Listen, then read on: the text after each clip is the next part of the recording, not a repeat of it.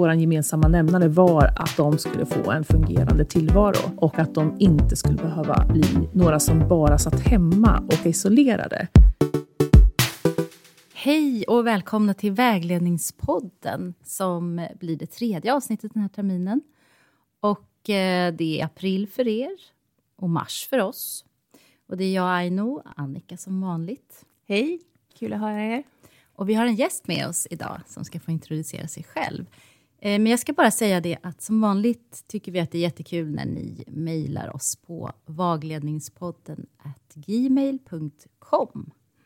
Okej, då kör vi. Välkommen Ulrika Norberg. Tack så mycket. Jag har sett fram jättemycket att få intervjua dig här i podden. Men till de som inte känner dig, vill du berätta lite om dig själv? Ja, det ska jag göra. Eh, ja, nej, men jag jobbar på Specialpedagogiska institutionen som lektor. Jag har en bakgrund som lärare och jag har också jobbat som studie och yrkesvägledare under en kort period på gymnasiesärskolan. Och, men jag är intresserad av barn och eh, ungdomar i behov av stöd. Och eh, jag tycker det intressanta är den här förändringen över tid och framför allt med riktning mot hur olika professioner beskriver barn som behöver stöd, eh, men också vad man tänker sig för form av lösningar i olika målgrupper. Så just det här historiska perspektivet, men även det samtida perspektivet. Och sen så är jag väldigt intresserad av gymnasiesärskolan, så jag har stött på gymnasiesärskolan på olika sätt, både via min roll som lärare, som vägledare, också i projekt, också som utredare på Skolverket och som forskare. Mm. Så det ligger mig väldigt nära den skolformen. Mm. tänker att det här ska få bli ett, eh, ett avsnitt där vi kanske pratar ganska mycket om den skolformen som nu har bytt namn till anpassad gymnasieskola, eller hur? Ja, precis. Ja. Mm. Eh, skiftet sker väl i juli månad här, ja. så det är väl en övergång, men jag tror att de flesta tränar in det nya begreppet för att det ska bli rätt. Precis, så att det sitter. Ja. Men jag tror att gamla namn sitter ju hårt, så är det ju. Ja, verkligen. Mm. Mm. Men eh, vill du berätta lite mer om um, det här med, med, barn och ungas behov? Vad har du fokuserat på där som du tycker är extra viktigt? Mm. Jag tänker kanske framförallt på de här projekten som mm. jag har varit del i eh, de mm. senaste åren. Och eh, där har fokus legat väldigt mycket på samverkan mm. för att identifiera elevers behov. Både vad gäller stöd, och, och, det kan ju vara stöd på olika sätt. Men jag tänker att utmaningen idag, och som jag tänker också är en både regeringssatsning och som man prioriterar ganska mycket, men även i forskningsvärlden, är ju att betona samverkansperspektivet och att vi är ganska många professioner som ska samverka omkring barnen och ungdomarna. Och hur gör vi det på mm. bästa sätt? Och hur kan vi liksom mötas i det? Mm. Eh, så jag tänker att det kanske framförallt är som, som ligger liksom på bordet, att ta den här utmaningen och att se på vilket sätt man faktiskt kan genomföra det på bästa sätt i praktiken här. Mm. men samverkan är ju jätteviktigt, speciellt liksom de här eleverna eller ungdomarna eller barnen som har behov av mer stöd och behöver mer än vad kanske bara en skola kan ge eller någonting annat. Mm. Eh, vill du berätta lite mer om något av dina projekt som du varit med i, just som jobbar med samverkan? Ja, nej men absolut. Jag tänker särskilt på det projektet som jag tänker att vi kanske valt att lägga lite fokus just på anpassad gymnasieskola. Mm. Och eh, ett av de projekt som jag var del i för några år sedan och har också varit ett sånt projekt som har funnits med och som var mycket lärande via, som vi fick som deltog i projektet. Det var ett projekt som hette Koll på läget som genomfördes i Östergötland. Och eh, vi hade med en finansiär från Samordningsförbundet som hjälpte oss att kunna genomföra det här projektet. Och det involverade den största gymnasieskolan och den skolan som också har elever med målgruppen mot lindrig utvecklingsstörning. Mm. Och eh, det projektet pågick i fyra och ett halvt år. Mm. Och när du menar lindrig utvecklingsstörning så kan vi bara förtydliga att målgruppen för den anpassade gymnasieskolan är de som har en psykologisk, en medicinsk, en social och en pedagogisk utredning, eller hur? Ja, det mm. stämmer bra. Mm. Eh, vilket också har förändrats de senaste åren kan man säga. Så att idag så handlar det mycket om att man har behörigheten att finnas i den mm. skolformen. Mm. Precis. Så berätta mer, hur jobbade ni med samverkan på den här, så som hette då, gymnasiesärskolan? Ja, precis. Nej, men vi hade egentligen var vi flera stycken aktörer som träffade på målgruppen på olika sätt. Och eh, fokus här det var att vi hade elever och mitt ansvar var att möta eleverna inför att de skulle ta studenten mm. eh, efter årskurs fyra eftersom de går fyra år i gymnasiet här då. Just det. Och möta dem som en vägledare? Som en vägledare, precis. Mm. Och ha samtal och eh, fundera tillsammans på vad de önskade göra när de slutade eh, gymnasieskolan. Men eh, vi märkte att de här samtalen inte räckte till. Och vi fick också signaler ifrån habiliteringen mm. om att eh, flera av eleverna som hade gått just i gymnasiesärskolan hade de träffat på. Och de såg att eleverna inte mådde bra, mm. att flera av dem levde i ett utanförskap. Eh, man hade mm. ingen sysselsättning, man hade ingen ekonomi, man hade inget socialt nätverk. Mm. Och det signalerade de till både oss som jobbade på skolan, men också flera av de andra aktörerna som träffade på just den här målgruppen. Mm. Så det var en ganska lång förberedelsetid innan det här projektet började att eh, genomföras. Och eh, när projektet väl startade så var vi, det var både personal på skolan, eh, lärare som var del i det här projektet. Eh, det var också rektor som var del i projektet och jag som vägledare. Men så var tanken att vi skulle jobba tillsammans med andra verksamheter. Mm. Och då var det verksamheter som eh, till exempel eh, fortsatt då med habiliteringen. Mm. Vi hade Försäkringskassan, vi hade Arbetsförmedlingen och flera olika... Vi hade LSS-verksamhet. Och eh, vi visste ju att våra elever troligtvis stötte på flera av de här verksamheterna efter studenten.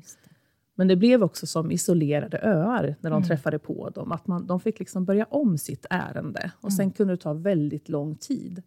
Så när våra elever slutade skolan så visste vi att de hade inte någon trygghet i vad som skulle hända. Mm. Och vi som hade stöttat upp väldigt mycket visste inte heller hur det skulle gå för dem när de slutade gymnasieskolan. Mm.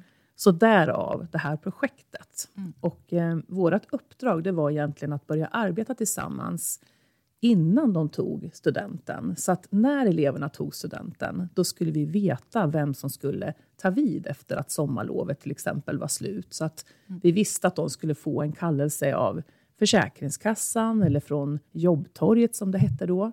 Eh, att någon hade liksom en uppföljning och att vi mm. också hade skrivit en plan för varje student. Mm. Det låter ju som att ni tog på er det ansvaret. Att egentligen har ju skolan inget ansvar man går sina fyra år på den anpassade gymnasieskolan eller gymnasiesär. Och sen så släpper ju skolan egentligen. Men att ni såg vikten av att vi kan inte bara de här elevgruppen kan vi inte bara släppa hur Nej. som helst. Mm. Mm. Som Nej, men precis. brygga, låter mm. det Ja, som. verkligen. Mm. verkligen. Mm. Och just det här att liksom skapa ett nätverk med samverkan som vi hela tiden behöver rikta upp för att eleven inte ska falla mellan stolarna, vilket mm. hade skett många gånger. Så ska jag ska säga någonting om processen, mm. så var det ett ganska långt förarbete. Mm. Och eh, vi tänkte att den bästa strukturen, det är egentligen att det finns en representant ifrån varje verksamhet som eh, faktiskt ansvarar för att möta just oss i våra möten, för att vi skulle kunna liksom bygga upp någonting inledningsvis. Då. Och eh, vi träffades och började att liksom processa det här. Liksom, vad kan vi hjälpa till med? Och hur kan man tänka sig att det här skulle liksom kunna se ut? En sån här typ av struktur och en slags eh, rutiner egentligen som det mm. handlade om. Mm. Och när vi träffades så insåg vi att vi från skolans håll, som, som du sa här nu, att vi hade ju egentligen ingen skyldighet, om man ska se det så, att mm. vi skulle fortsätta tänka framåt och även ansvara för det. På samma vis som LSS exempelvis ansåg att de kunde inte göra någonting förrän de hade fått ett skriftligt ärende hos sig. Mm. Så att de fick liksom inte uttala sig så mycket. Så det var en lång resa att inleda vår kommunikation omkring mm. på vilket sätt vi skulle kunna samarbeta eftersom det är ganska formellt på vilket sätt mm. vi liksom hade löst det här tidigare. Och ganska liksom isolerade ärenden egentligen. Mm. Och jag vet du beskrev när vi hade ett sånt här förmöte inför den här inspelningen att det, det låter som att det kanske är, var kommunikation på olika nivåer. Dels där hur rutinmässigt ska vi kunna enligt liksom regelverk som är olika på de olika instanserna. Men också de här olika liksom språkbruket i respektive profession, beskrev ja. du. Att liksom försöka hitta någon samsyn, förståelse för varandras roll. Ja, precis. Ja, men verkligen. Eh, så för oss så blev det egentligen en väldig krock när vi skulle tala. Och när vi skulle för första gången prata om våra elever, eh, vilket vi hade förberett oss ganska väl ifrån, från skolans håll, så satt vi och träffades vid det här eh, mötet och då var inte eleverna med utifrån att de hade gett sitt samtycke att vi fick prata om dem vid det här första mötet. Mm. Och från skolans håll så var vi väldigt förberedda. Vi hade gjort egentligen en form av pedagogisk bedömning och hade en beskrivning av vad eleven ville och vad eleven kunde för någonting och styrkorna som den här eleven ägde. Mm. Och Det var också den, det perspektivet vi bar med oss ifrån skolans håll. Eh, och Det var också det som vi delgav vid det här mötet. Men vi märkte när vi började berätta om eleverna på det här sättet att det blev liksom stopp i kommunikationen. Mm. Och eh, det blev liksom ingen som tog vid. Och eh, vi insåg ju då att vi, precis som du sa, du pratade helt olika sätt och kanske gjorde olika beskrivningar kring våra elever. Mm. Och eh, vi som hela tiden utifrån ett skolperspektiv tänker, och även utifrån ett vägledarperspektiv tänker jag, mm, man vill se möjligheterna. Mm. Vad kan de? Vad vill de? Och vad skulle de kunna? Trots att man har svårigheter på olika vis. Men har man perspektivet ifrån till exempel Försäkringskassan och även från Arbetsförmedlingen i det här fallet, så var ju de inte intresserade enbart av vad de kunde och eh, vad de ville. För de ville ju veta, men om de nu kan de här sakerna, mm. var, varför sitter vi här då och vad ska vi kunna hjälpa till med? Mm.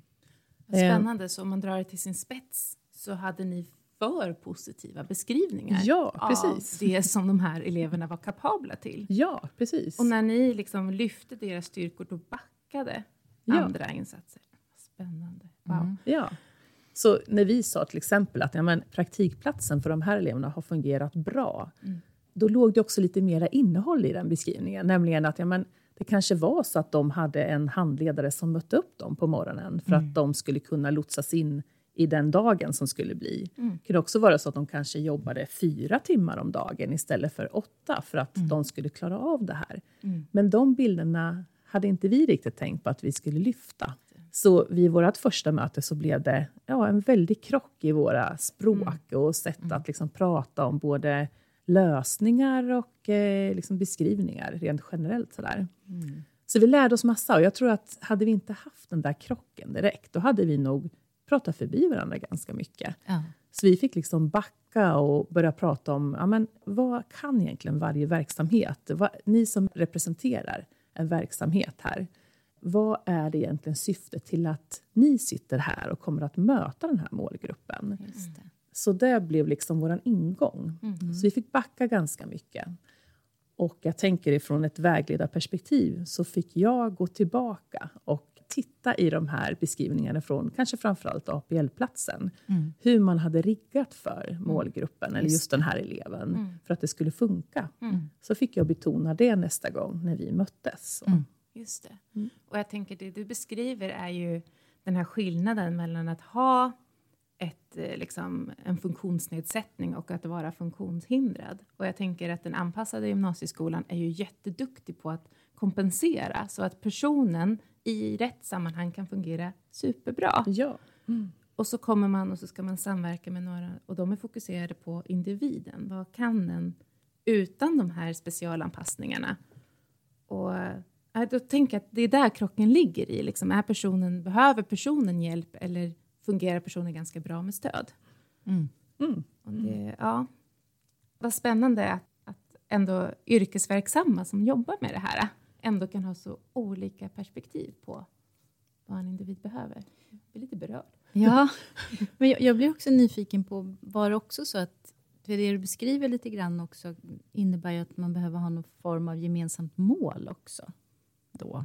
Alltså att det inte är olika mål för de olika instanserna utan att, att det är liksom individen som, individens bästa på något sätt då, eller?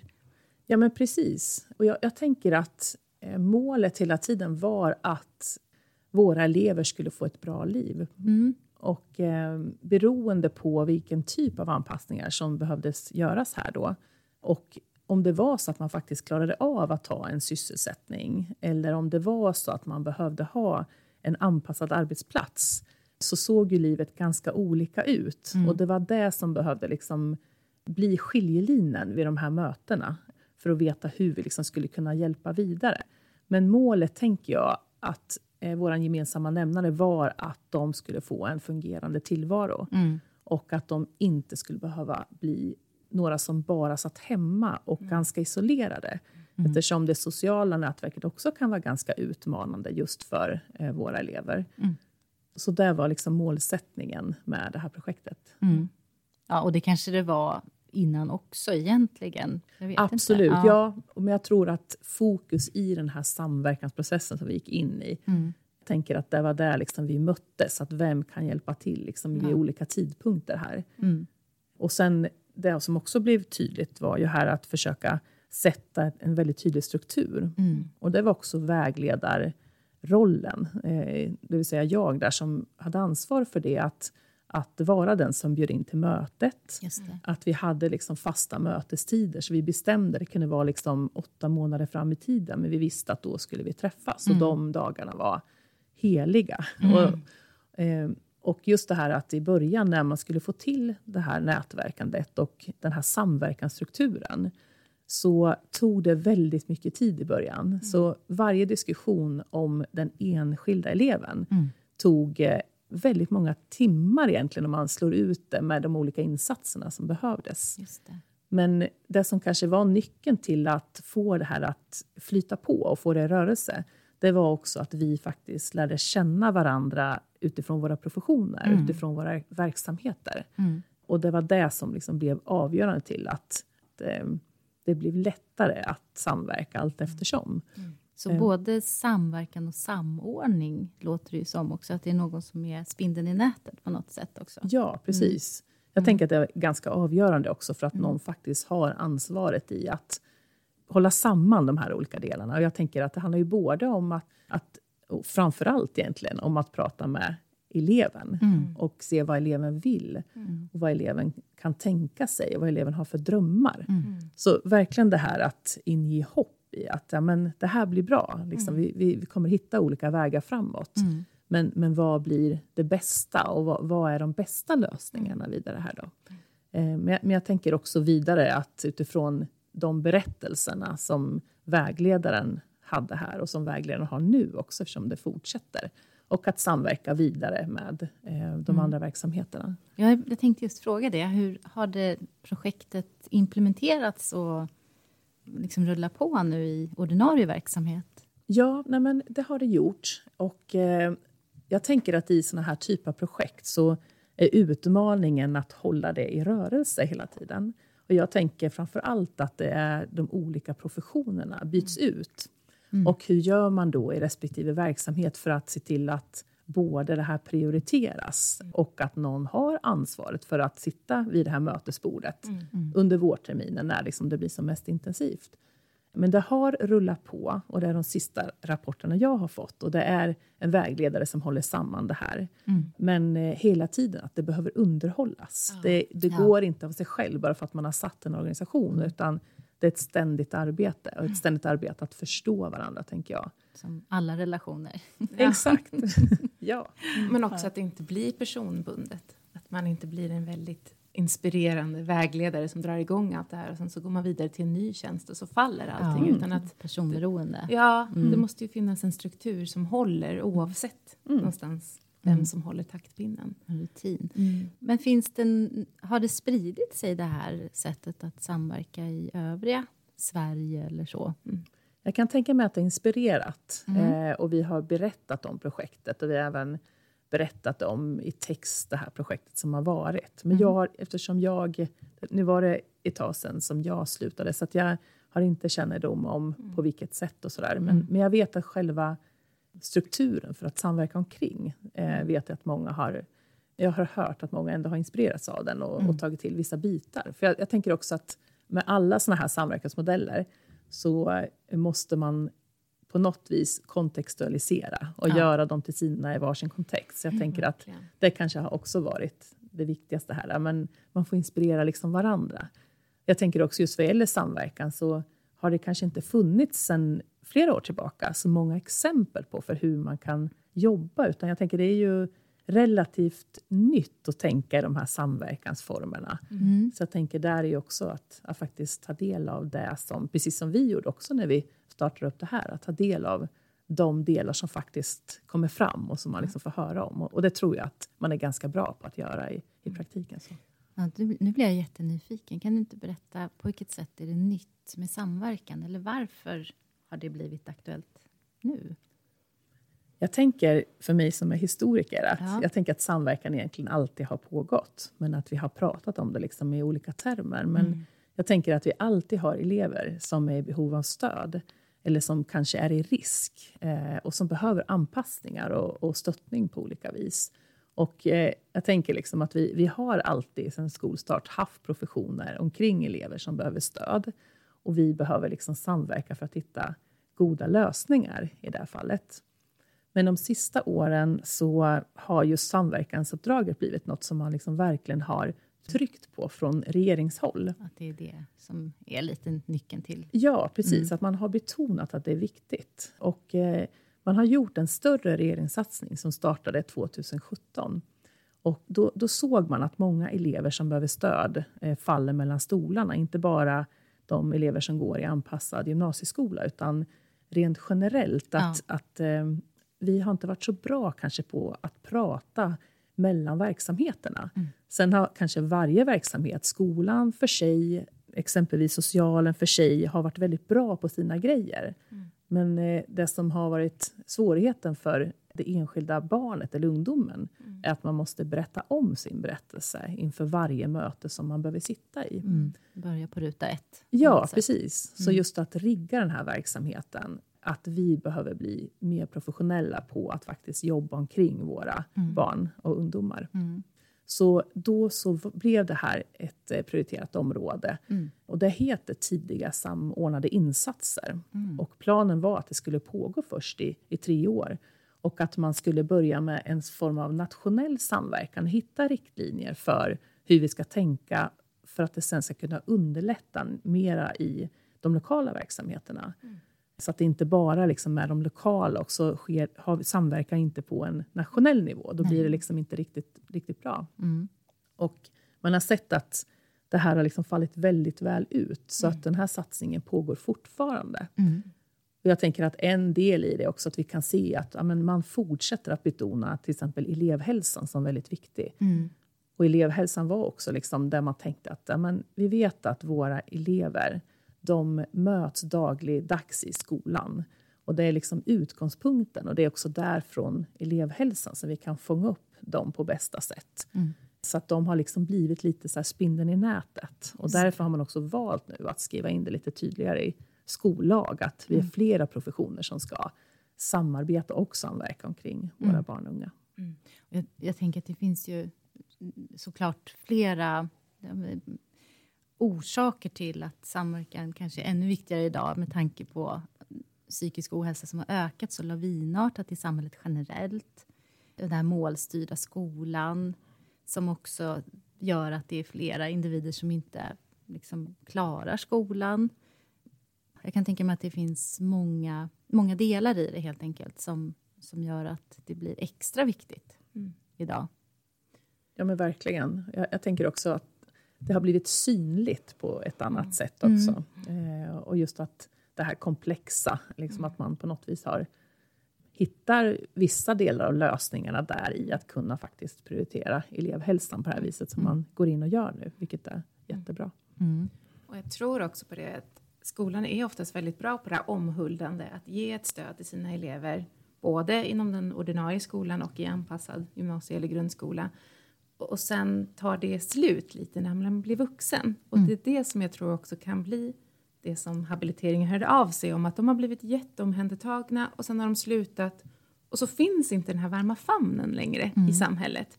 Utan det som var centrerat i ett EHT-team finns nu på Arbetsförmedlingen, på Försäkringskassan och man måste liksom bli den här pingpongbollen som ska hålla reda på det själv. Och så är man en person som behöver mycket stöd. Mm. Det är inte helt lätt navigerat, tänker jag. Nej. Nej, verkligen inte. Jag tänker att det är en utmaning. Jag, jag tänker också när man jobbar i skolan, att det är en utmaning liksom i vardagen också. Både utifrån eh, lärarperspektiv, men också utifrån ett studie och yrkesvägledarperspektiv och den funktionen man väl har. Att om man träffar på elever som behöver kanske stödinsatser på olika vis. Så idag så är ju tanken att ja, men, vi behöver samverka med dem på andra sidan vägen. Om det nu är socialförvaltningen exempelvis som behöver gå in och hjälpa till på olika vis. Eller om det är eh, andra funktioner som man behöver stöd till, habilitering exempelvis. Men det som kanske är utmanande också är att när vi väl ser att nej men, på våra elevhälsomöten exempelvis, där alla våra funktioner finns samlade, så kan vi också se att ja, men, eh, den här eleven har fått stöd till exempel från socialförvaltningen eller att det är på väg, det har gjort en orosanmälan exempelvis. Men vi vet inte riktigt vad som händer på andra sidan. Och det tar en lång tid och medan vi går och undrar och tänker att ingenting görs här, så kanske det görs en hel massa. Men vi kan inte riktigt på vilket sätt de olika verksamheterna styrs och att vi har olika regler att förhålla oss till. Jag tänker att det underlättar jättemycket om man har kännedom om det. För då vet vi, även om de inte kan berätta till exempel av just den verksamheten som kanske tittar just nu och möter den här eleven och elevens familj exempelvis, så kan man ändå säga att vi tar hand om det här nu. Precis. Och bara det är ganska betryggande. Mm. Jag tänker på när vi träffade mm, Staffan Olsson och pratade om sekretess och så. Just det där att, att eh, ha den inre kompassen i alla de hjälpande mm, rollerna som vi har i olika professioner. Att jag kan säga vissa delar. Jag behöver inte säga allt, men det här kan jag i alla fall säga. Så, och det är det, det du beskriver Ja, nu. precis. Att liksom, Ja. Jo, men vi, vi har insatser som pågår, så att man bara vet det. Så. Det, Ja, det, att det kan vara lite svårt att manövrera ibland i det här sekretess... Um, om man har sträng sekretess till exempel, att man kanske inte vet vad man kan säga. Ja, men verkligen. Eh, och jag, jag tänker också att det vilar ganska mycket i att, att eh, man är klar över både vilken profession man själv eh, jobbar utifrån, men också vilken profession som man samarbetar med. Och det här kan ju också vara inom själva elevhälsogruppen, att eh, eftersom vi hamnar inför hela tiden olika ärenden och elever som har olika utmaningar. Är man skolsköterska exempelvis så har man ju en högre sekretess där man inte kan berätta saker. Men många gånger så kanske man gärna vill veta och beroende på vilken kontext man jobbar i, om man liksom är på en mindre skola där man också känner till ganska mycket om de olika människor som bor i det här samhället, så kan det också vara en större utmaning att tänka att "Nej, men, jag, jag kan berätta det här, men, eh, eller att jag som lärare, jag behöver veta det här, men jag behöver inte veta hela bilden, för min roll är inte att behöva veta Precis. hela den bilden. Ja. Så jag tänker att det är en jätteviktig aspekt i det här. Ja, och det var väl inte helt okomplicerat när vi pratade med Staffan om det här, men att, att det vi kom fram till då var väl att man behöver ha en dialog om etik någonstans eh, med sina kollegor. Också just hur man ska, liksom, vad, vad är lagom mycket att säga? Var går gränserna på något sätt? Och, och fundera själv också. Mm. Och jag tänker att en viktig grund i, i den här etikaspekten är ju också att personen som man pratar om ger sitt samtycke. Och du pratade i början om att när ni, när ni började träffas och samverka så träffades ni utan att eleven var närvarande. Fortsatte det så eller blev det någon... På vilket sätt involverades eleven mer efterhand? Ja, vad bra att du ställer den frågan. Jag tänker att rutinen så som den blev, det var att vi träffades först utan att eleven var med. Och det var också mycket för att vi skulle hinna samordna oss och för att kunna fundera igenom olika lösningar och olika förslag. Men eleven var givetvis med också och eh, det blev de i möte nummer två. Och det var ju inte på något vis att vi hade fast och färdig på vilket sätt vi skulle tänka utan mer att vi hade lite lösningar än att vi skulle behöva sitta och prata igenom då eftersom att ehm, vi är så fast i våra verksamheter. Så man behövde också få hinna prata igenom saker för att veta vad som faktiskt kunde vara realistiskt och så. Så möte nummer två, då var alltid eleven tillsammans med vårdnadshavare inbjudna. Och då började vi liksom om igen, men då visste vi också vad de olika verksamheterna skulle kunna säga eller erbjuda som en möjlighet. Och sen vid sittande bord när eleven var med, då kunde vi också skriva liksom en tydlig arbetsordning. Men i, i 5 augusti, eh, den tiden, då är du välkommen hit till, om det nu var Försäkringskassan exempelvis, eller, mm. eller om det var så att man skulle träffa någon representant på Arbetsförmedlingen exempelvis. Mm. Mm. Och sen lång väntan såklart emellan de olika utslagen om man skulle få aktivitetsersättning eller inte. Mm. Eller om man tänkte sig att den här eleven skulle kunna klara sig liksom med försörjningen på en egen hand. Mm. Men i alla fall ett datum. Jag tror att det är ganska mm. viktigt. Mm. Att det inte bara är ett vakuum, en tystnad. Ja, men precis, mm. precis. Och sen på något vis också när man har jobbat ihop sig på det här viset så känner man också liksom en form av ansvar. att mm. Om det nu skulle visa sig då att eleven inte kanske skulle ha möjligheten att kunna få någon form av sysselsättning här, så kan man också hjälpa eleven vidare till nästa instans. Om det mm. till exempel var så att det var ekonomiska spörsmål eller svårigheter omkring det, mm. så visste man precis vem den här personen kunde vända sig till. Och då kunde vi inom vår grupp också hjälpa till att samordna det. det. Så det inte handlar om att man eh, la ansvaret på eleven eftersom mm. just många i den här målgruppen behöver extra stöd omkring det. Mm. Så att lotsa sig fram i de här verksamheterna om man inte nu har vårdnadshavare som stöttar är ju en utmaning som inte duga. Mm. Eh, så bara det här att vi vet att det, det finns och det fanns också då mm. ett nätverk där man på något vis vet vem man ska ringa upp till och som underlättar liksom, i en sån här, ja, ett, ett sånt form av nätverk som det blev. Då. Ja, det låter ju jättebra. Jag kommer att tänka på en dokumentär som jag såg. Jag tror den hette Bokstavsbarnen eller någonting sånt. Såg ni den? Jag har sett att den finns på SVT Play, men jag har faktiskt inte sett den. Nej, inte jag heller. Ja, mm. Den är jättebra. Spännande verkligen. Det är ju Uppdrag granskning tror jag som mm. gjorde den. Mm. Eh, och då vittnar ju föräldrar just med, eh, som har barn som har olika NPF-diagnoser. Vilket enormt samordningsarbete de måste göra mm. för att deras barn ska få rätt hjälp. Och sen också det här att, mm, precis det som du pratar om nu, att det är ju jättemycket att ta tag i. Mm. Och att det kan vara svårt. Man kanske dessutom har någon form av diagnos själv som förälder, vilket är rätt vanligt också. Att liksom då ha det kravet på sig mm. som vårdnadshavare. Mm. Så det skulle ju behövas den här typen av samordning liksom på nationell nivå för, för eh, alla mm. i behov, just i, generellt också.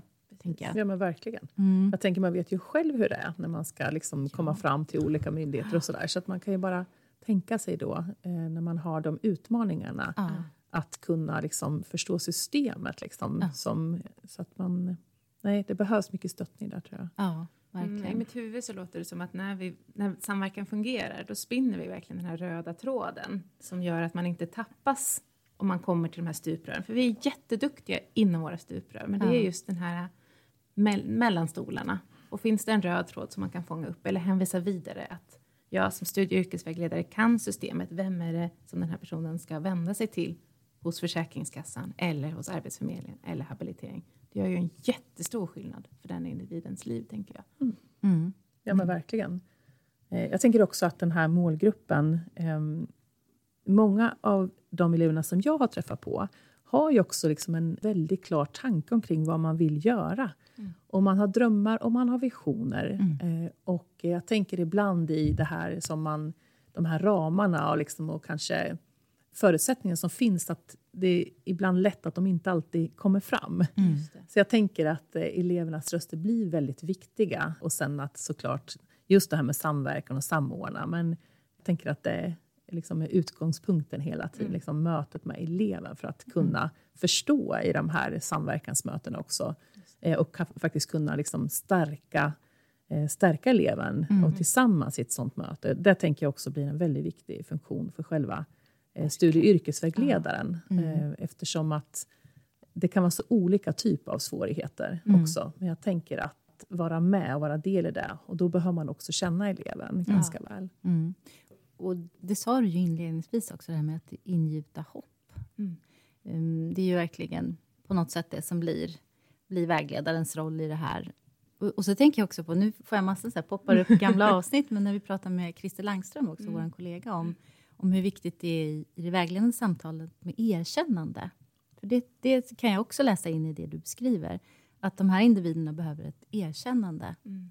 Det är, behöver vi alla, men det är superviktigt just för att kunna orka i långa loppet när man har större utmaningar i livet, Mm. tänker jag. Ja, men verkligen. Mm. Och jag tänker också i den vardag som de befinner sig i. Inte kanske bara också i det här som ska komma, utan även i det som de faktiskt rör sig i i sin vardag. Och vad som fungerar liksom i, i klassrummet och vad som fungerar på skolan. Jag tänker att här finns det också en rad utmaningar just omkring skolformen i relation till gymnasieskolan som har varit. Mm. Och jag, jag var tillsammans del i en utredning på Skolverket med en kollega där vi genomförde ganska många intervjuer med elever som just går i anpassad gymnasieskola.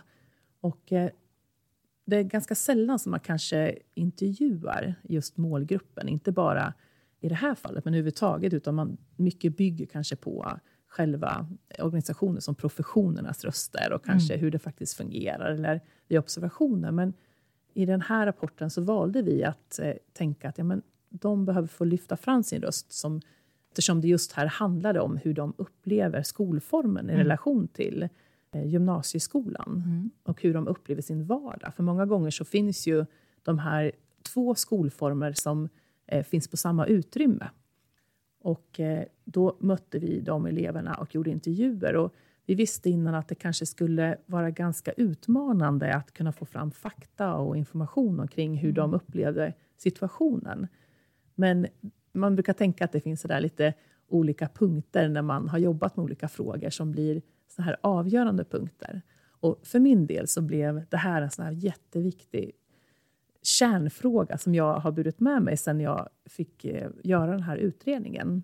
Nämligen att när man hamnar i den typen av intervjuer som vi gjorde då, så kunde ju eleven, som man kanske inte hade förväntat sig uttrycka så mycket om sin vardag, kunde uttrycka otroligt mycket omkring hur de kände.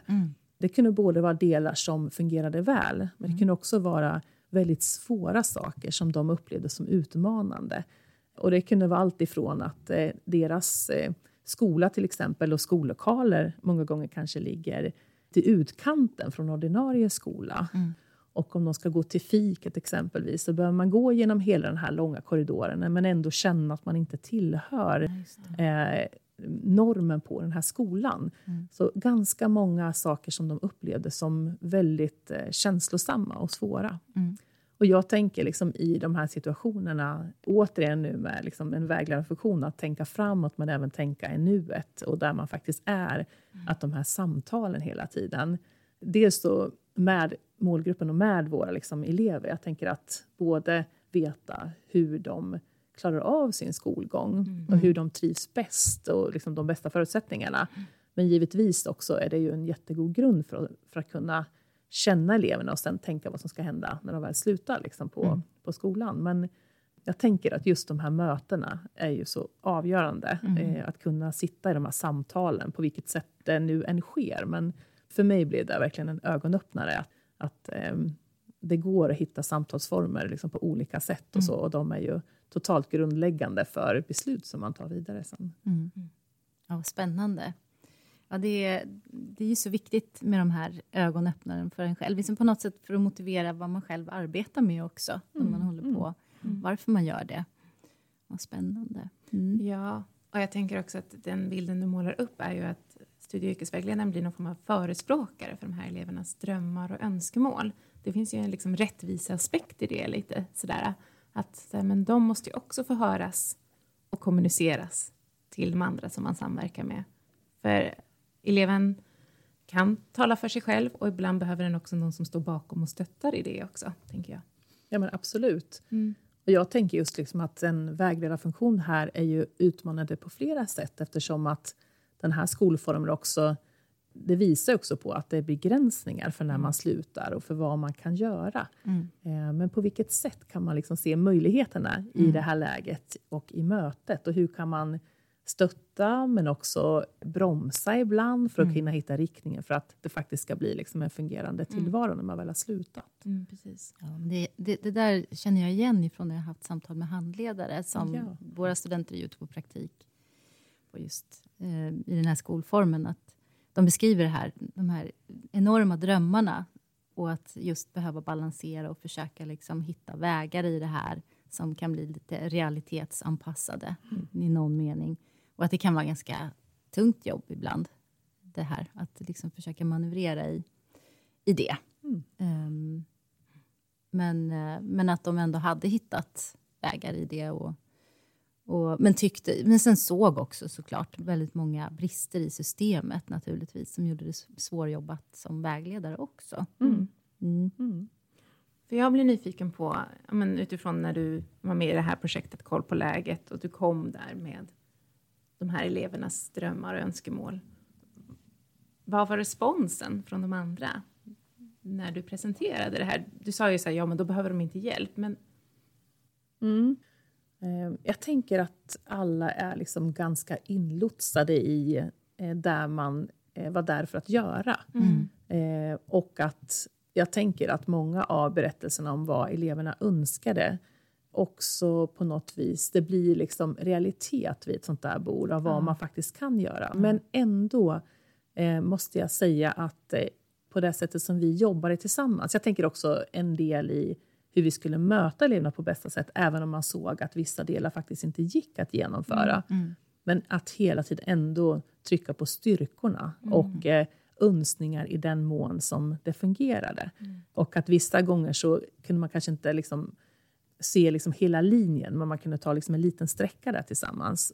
Och jag måste säga att i det där läget med det samarbete som uppstod här efter ett tag, så var det liksom en otrolig värme i på vilket sätt man ändå i- Ifrån eh, kanske lite formellt och lite kyligt det här att man går in i liksom väldigt tydlig profession. Så i mötet med eleverna sen och när vi förstod vilken målgrupp vi faktiskt jobbar med, så väldigt mycket värme måste jag säga utifrån att faktiskt se, se det som är möjligt. Och det som inte är möjligt, att på något vis ändå försöka göra det så lindrigt som möjligt i den situationen. Och det blev alla, måste jag säga, otroligt bra på. ja, Där. Mm. åh, vad roligt att höra. Ja, det Ja, låter det- som att ni med ert skolperspektiv och ja, vägledningsperspektiv, vi tillhör ju skolan också, må- mångt och mycket, att ni fick den, liksom överförde den synen på den här samordningsgruppen lite grann. Ja, men det, det kan jag nog tycka. Liksom, vi fick nog mötas där. Medan vi också var tvungna att tänka till på hur vi faktiskt beskriver elever idag, i skolan idag. Att Vi har ju hela tiden en slags bedömningsperspektiv med oss och är så präglade av det här. Vad, jag tänker också traditionellt, det här liksom, det är betygen och det är liksom vad man uppnår. Och Mål. är man där, ja men då, så, då, då, liksom, då lyckas du liksom med det här. Men att eh, det blev helt andra saker liksom, att trycka på i det här. Och En viktig funktion för oss i det här samarbetet det var också att via projektet så anställdes det arbetsterapeut också. Och den rollen. Och det blev också eh, det blev en sån här sak som vi fick liksom jobba vidare med. Att, att ta hjälp av arbetsterapeuten för att göra en utredning och kunna prata arbetsförmågor och på vilket sätt. För att där gick ju liksom våran gräns som pedagoger eh, utifrån liksom ett skolperspektiv. Att det, det var liksom andra områden som rörde nästa steg för eleverna. Eh, Så Det- där, där fick vi god hjälp att kunna, både en arbetsterapeut som samtalade med eleverna om möjligheterna, men också kunde både pusha men kanske bromsa lite utifrån att man kunde vara ganska konkret i att se vad en elev liksom hade för typ av arbetsmåga och vad som fungerade och vad, vad utmaningarna var. Så hur matchade det in då? Så det blev en viktig funktion i våra möten också, att finnas med och berätta de här olika bedömningarna som hade gjorts. Då. Just det. Ja, en viktig roll i, i det här bryggan. Verkligen, Ja, en verkligen. Ja. Så det blir den här överlappningen också. Ja, att de precis. får komma in redan när det finns en trygg miljö på skolan och göra den här bedömningen och prata om det perspektivet. Mm. Så att det inte måste börja sen hösten efter att man har gått ut. Liksom. Nej, precis. Det tar ju precis. jättelång tid. Ja, ja. Mm. Det det, det blev också liksom lite nyckeln här tror jag för att veta, till exempel från Arbetsförmedlingen, om den skulle vara möjligt för den här eleven att kunna jobba. Eller om man faktiskt behövde aktivitetsersättning och det var snarare liksom en, en sysselsättning som mm. eleven skulle gå in i. Mm. Så, så det blev liksom grunden här då. Mm. mm. Ja. Roligt. Men du har ju varit i andra projekt också, En koll på läget. Vill du berätta något om de projekten? Just det. Ja, Ja, men jag har varit i ett annat lite större projekt som heter Samma koll. Så de här projekten som man har haft mycket via Samordningsförbundet som har finansierat, så har det varit, de har gått under kollprojekten och de har liksom utvecklats på olika vis i, i Östergötland. Så. Eh, men eh, det här andra projektet var jag med som bland annat forskningsansvarig och följde projektet för att se på vilket sätt som man jobbade med frågor omkring samverkan och elevhälsa. Och i det här projektet så gick man också in och stöttade befintlig verksamhet egentligen mm. Eh, och stärkte elevhälsogrupperna. Mm. Och det här projektet riktade sig till två mindre kommuner. Och eh, där såg man att det var väldigt många elever som slutade gymnasieskolan utan fullständiga betyg. Mm. Och liksom hög arbetslöshet, svårt med att kunna klara sig ekonomiskt sett. Och då bestämde man sig för att jobba förebyggande från högstadiet och från årskurs sju och uppåt. Mm. Och eh, påminner lite om det andra projektet, men framför allt att eh, trycka på det här med att kunna identifiera elever som mm. finns liksom i riskzon i ett tidigare skede än vad man hade gjort innan. Mm. Och gå in med eh, stöttning och kanske stöd på olika vis. Mm. mm. Och även där att lära sig att samverka med andra verksamheter. Precis som det här med liksom, mm. habiliteringen, med socialförvaltningen framför allt. Mm. Um, och kunna liksom ha det här helhetstänket omkring eleverna. Mm. Mm. Och jag, jag, tänker också att påminna också lite mycket om det andra projektet, att, att trycka just på det här med professioner. Att även där att det fanns utmaningar ganska mycket, särskilt i början av projektet. Mm. Att eh, när man får ett sånt här projekt i händerna och möjligheten till att kunna få stöttning och hjälp, mm. så kan det också vara svårt att styra in för vad som faktiskt blir rätt riktning. Just Jag mm. tänker också att i ett lite större projekt så har ju också många olika förväntningar på vad mm. projektet ska bli för något. Ja. Och I det här projektet så i början så blev det lite felaktiga förväntningar om vad man skulle kunna tänka sig att man skulle hamna i. Sådär.